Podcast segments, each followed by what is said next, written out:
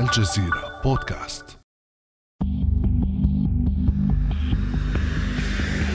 مرتديا كمامة بألوان العلم الأمريكي فاتحا ذراعيه. تعبيرا عن الغبطة نزل وزير الخارجية الأمريكي مايك بومبيو من طائرته التي أقلته من تل أبيب في رحلة مباشرة إلى العاصمة السودانية الخرطوم ليكون أول وزير خارجية أمريكي تطأ قدماه أرض السودان منذ خمسة عشر عاماً.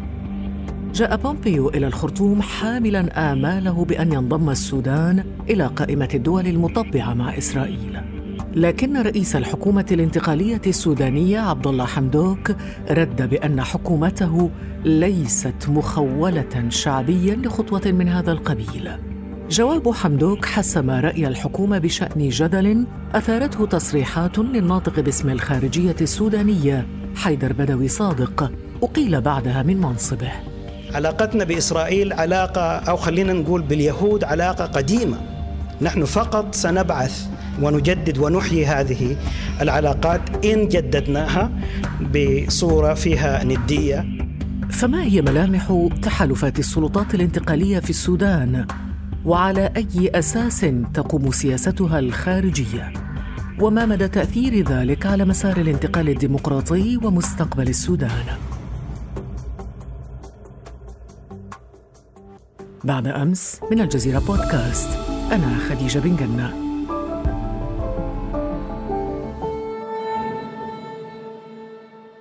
ضيفنا اليوم هو الدكتور صلاح الدين الزين الباحث في قضايا التنمية والانتقال الديمقراطي دكتور صلاح أهلا وسهلا بك. أهلا وسهلا خديجة وشكرا جزيلا على الاستضافة مرة أخرى. سعيد بأن أكون معكم. ونحن أسعد. دكتور صلاح الوثيقة الدستورية كما نعرف تلزم السلطات الانتقالية في السودان بإقامة علاقات متوازنة طبعا قائمة على حفظ استقلال السودان وتحقيق مصالحه. ما مدى التزام السلطات السودانية بهذا البند الدستوري بحسب ما هو معلن من مواقف؟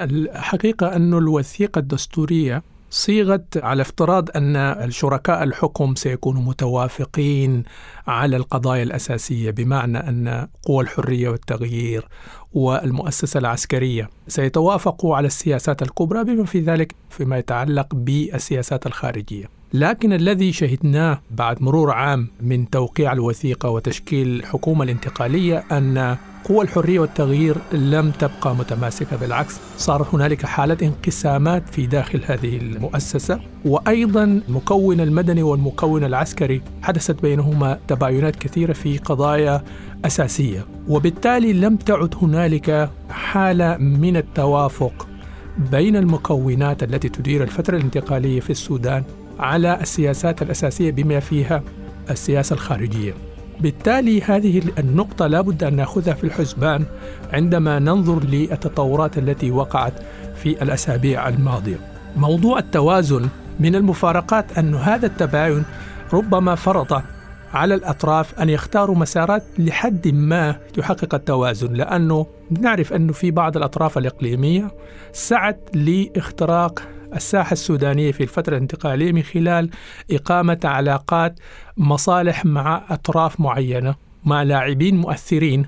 هنالك من سعى للرهان على قوات الدعم السريع مثلا ومن سعى إلى الرهان على المكون العسكري ومن سعى أيضا لبناء صفقات مع بعض التيارات المدنية. ولكن طبعا ليس أي واحد من هذه المكونات هو الغالب يعني في رسم السياسة. ولذلك رأينا في قضية مثلا العلاقة مع إسرائيل أن الذي خطى الخطوة الأولى هو الرئيس المجلس السيادي الانتقالي الفريق البرهان. والمكون المدني كان ربما لحد كبير جدا خارج الصورة. هنالك طبعا تقارير تحدثت عن أن رئيس الوزراء كان في الصورة وكان موافقا على الخطوة والبعض تحدث بما فيه الناطق الرسمي للحكومة أن رئيس الوزراء لم يكن مشاركا في تلك الخطوة.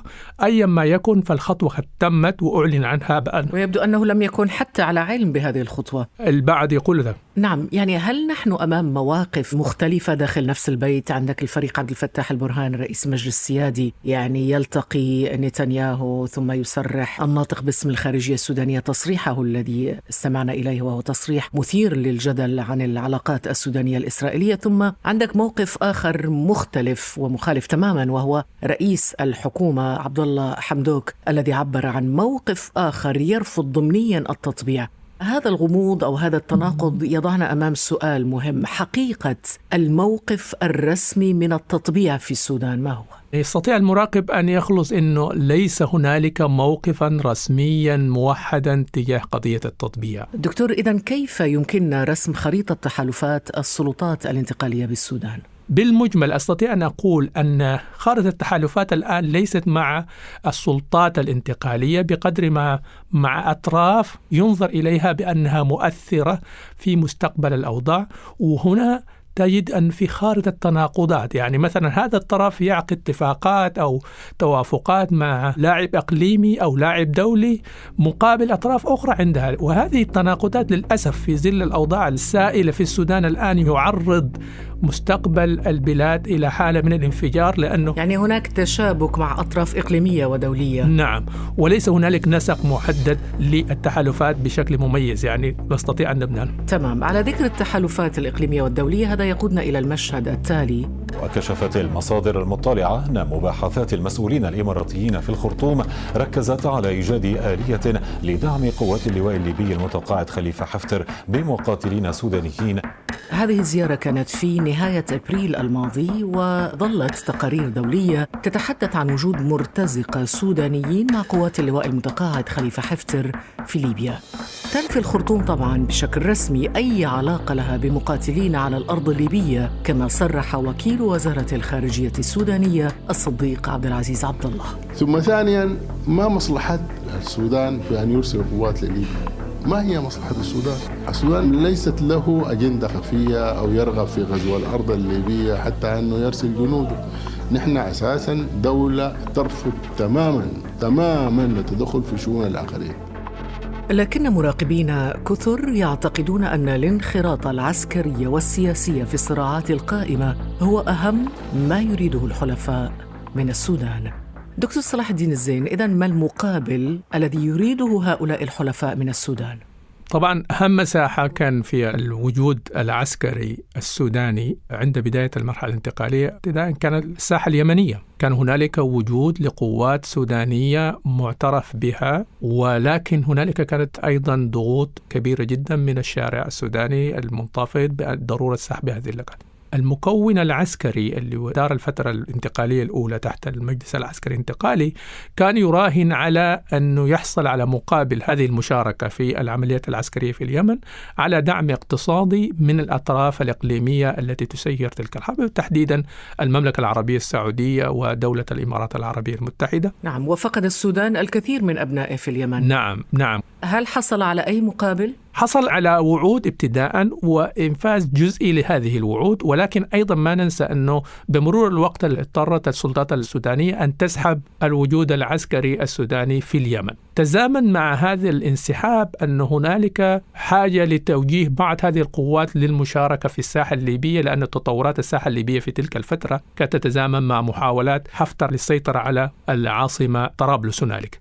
لكن في ظل وجود ضغوط داخلية من القوى المدنية التي تقود الشارع السوداني ووجود أيضا حالة من الرصد والمتابعة الخارجية أدى لأنه هذا لم يتم. يعني قوات التي تسمى قوات الجنجويد كان في جزء منها موجود إلى جانب حفتر ولكن كان الأمل من الأطراف الإقليمية الإمارات تحديدا أن القوات السودانية التي سحبت من اليمن يجب أن تذهب إلى ليبيا وهذا ما لم يتم. يعني تقصد أنه ليس هناك مرتزقة سودانيون في ليبيا يقاتلون إلى جانب حفتر في ثلاث مكونات. في طبعا مرتزقة كانوا يذهبوا عن طريق قوات الدعم السريع. في مرتزقة جاءوا نتيجة لتحالفات مع بعض الحركات المسلحة التي كانت تعارض منذ أيام الرئيس البشير. وفي بعض ذهب من خلال مسارات أخرى يعني في أطراف الآن تتاجر في هذه العملية وليست مقتصرة حتى فقط على دارفور يعني في هنالك بعض الدول الأفريقية في تجار حرب. وبالتالي هذه المسارات الثلاثة المسار الأول فيما يتعلق بالتعامل الشبه رسمي مع قوات الدعم السريع هذا تأثر بالضغوط التي توالت من الداخل ومن الخارج ووقف.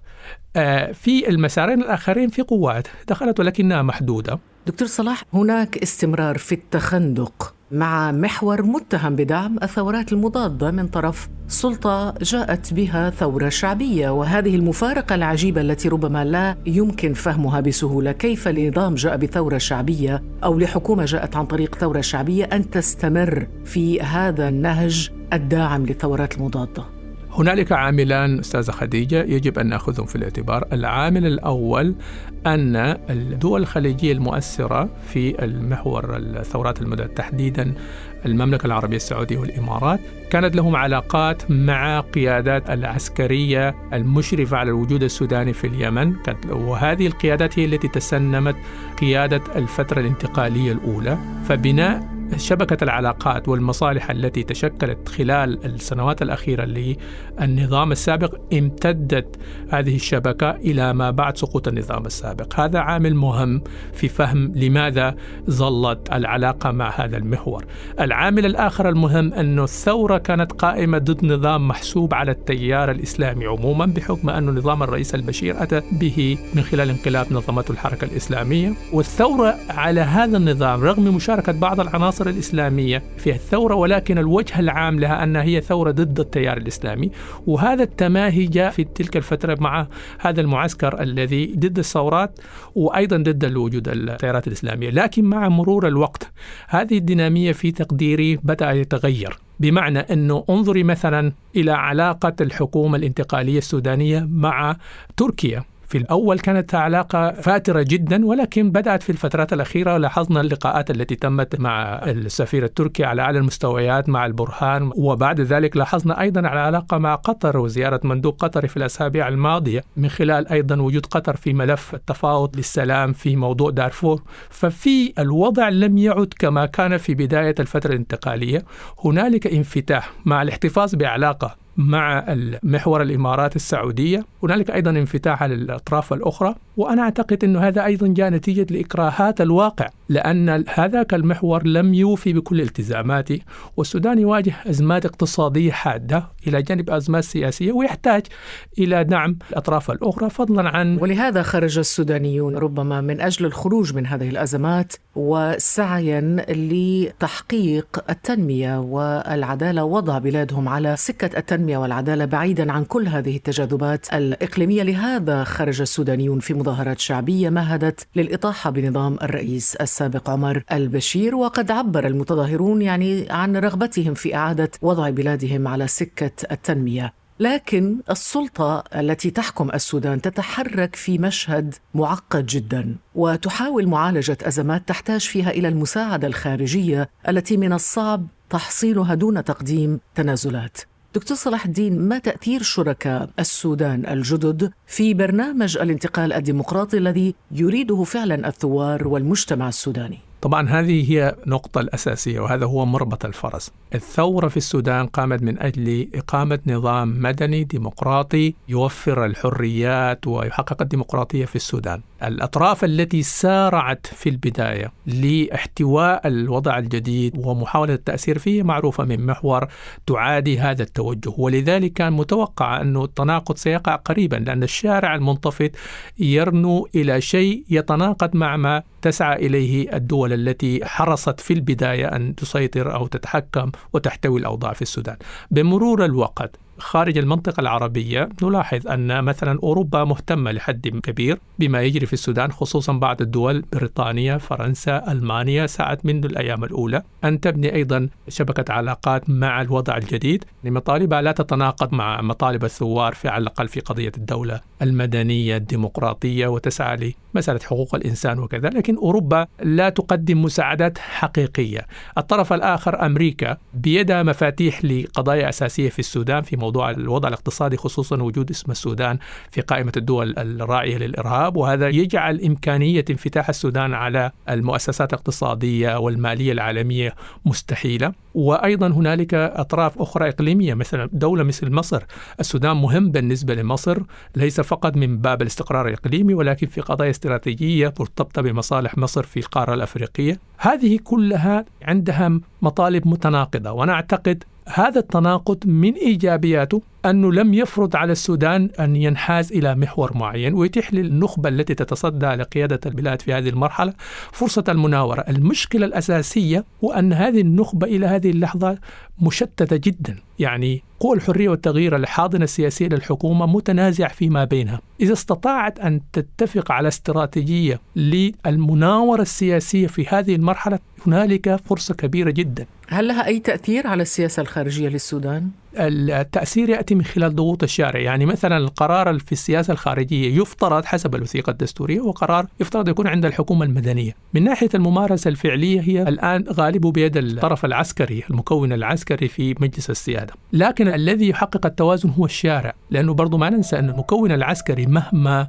تجرأ في يعني يمارس فعليا بعد السلطات المدنية إلا أنه يضع اعتبارا للشارع. ولكنه اللاعب الأقوى. هو طبعا من حيث القدرات الآن هو اللاعب الأقوى لكنه أيضا يضع اعتبار للشارع لأنه في خطواته المقبلة حتى لو كان يريد أن يلعب أدوار أكبر في المستقبل يظل ذلك مرهونا بدعم الشارع السياسي من خلال لجان المقاومة والذين ينظمون التظاهرات لهذه المواقف. ولذلك أنا أعتقد أن العسكر أيضا لا يستطيعون أن يمضوا في سياسات تتناقض مع التطلعات الشارع السياسي. هذا الذي يخلق التوازن. أنا في تقديري الشق المدني إلى الآن ضعيف جدا في أنه يفرض إرادته من خلال الحكومة لكنه إلى حد كبير قوي من خلال الشارع.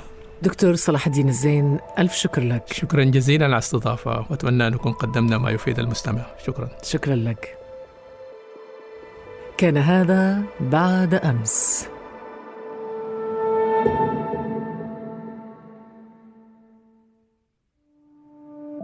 ابدأ بالاستماع الآن ولا تنسى تفعيل زر الاشتراك الموجود في تطبيقك لتصلك حلقاتنا اليومية فور صدورها ابقى على تواصل مستمر مع الجزيرة بودكاست عبر صفحاتنا على فيسبوك، تويتر وإنستغرام.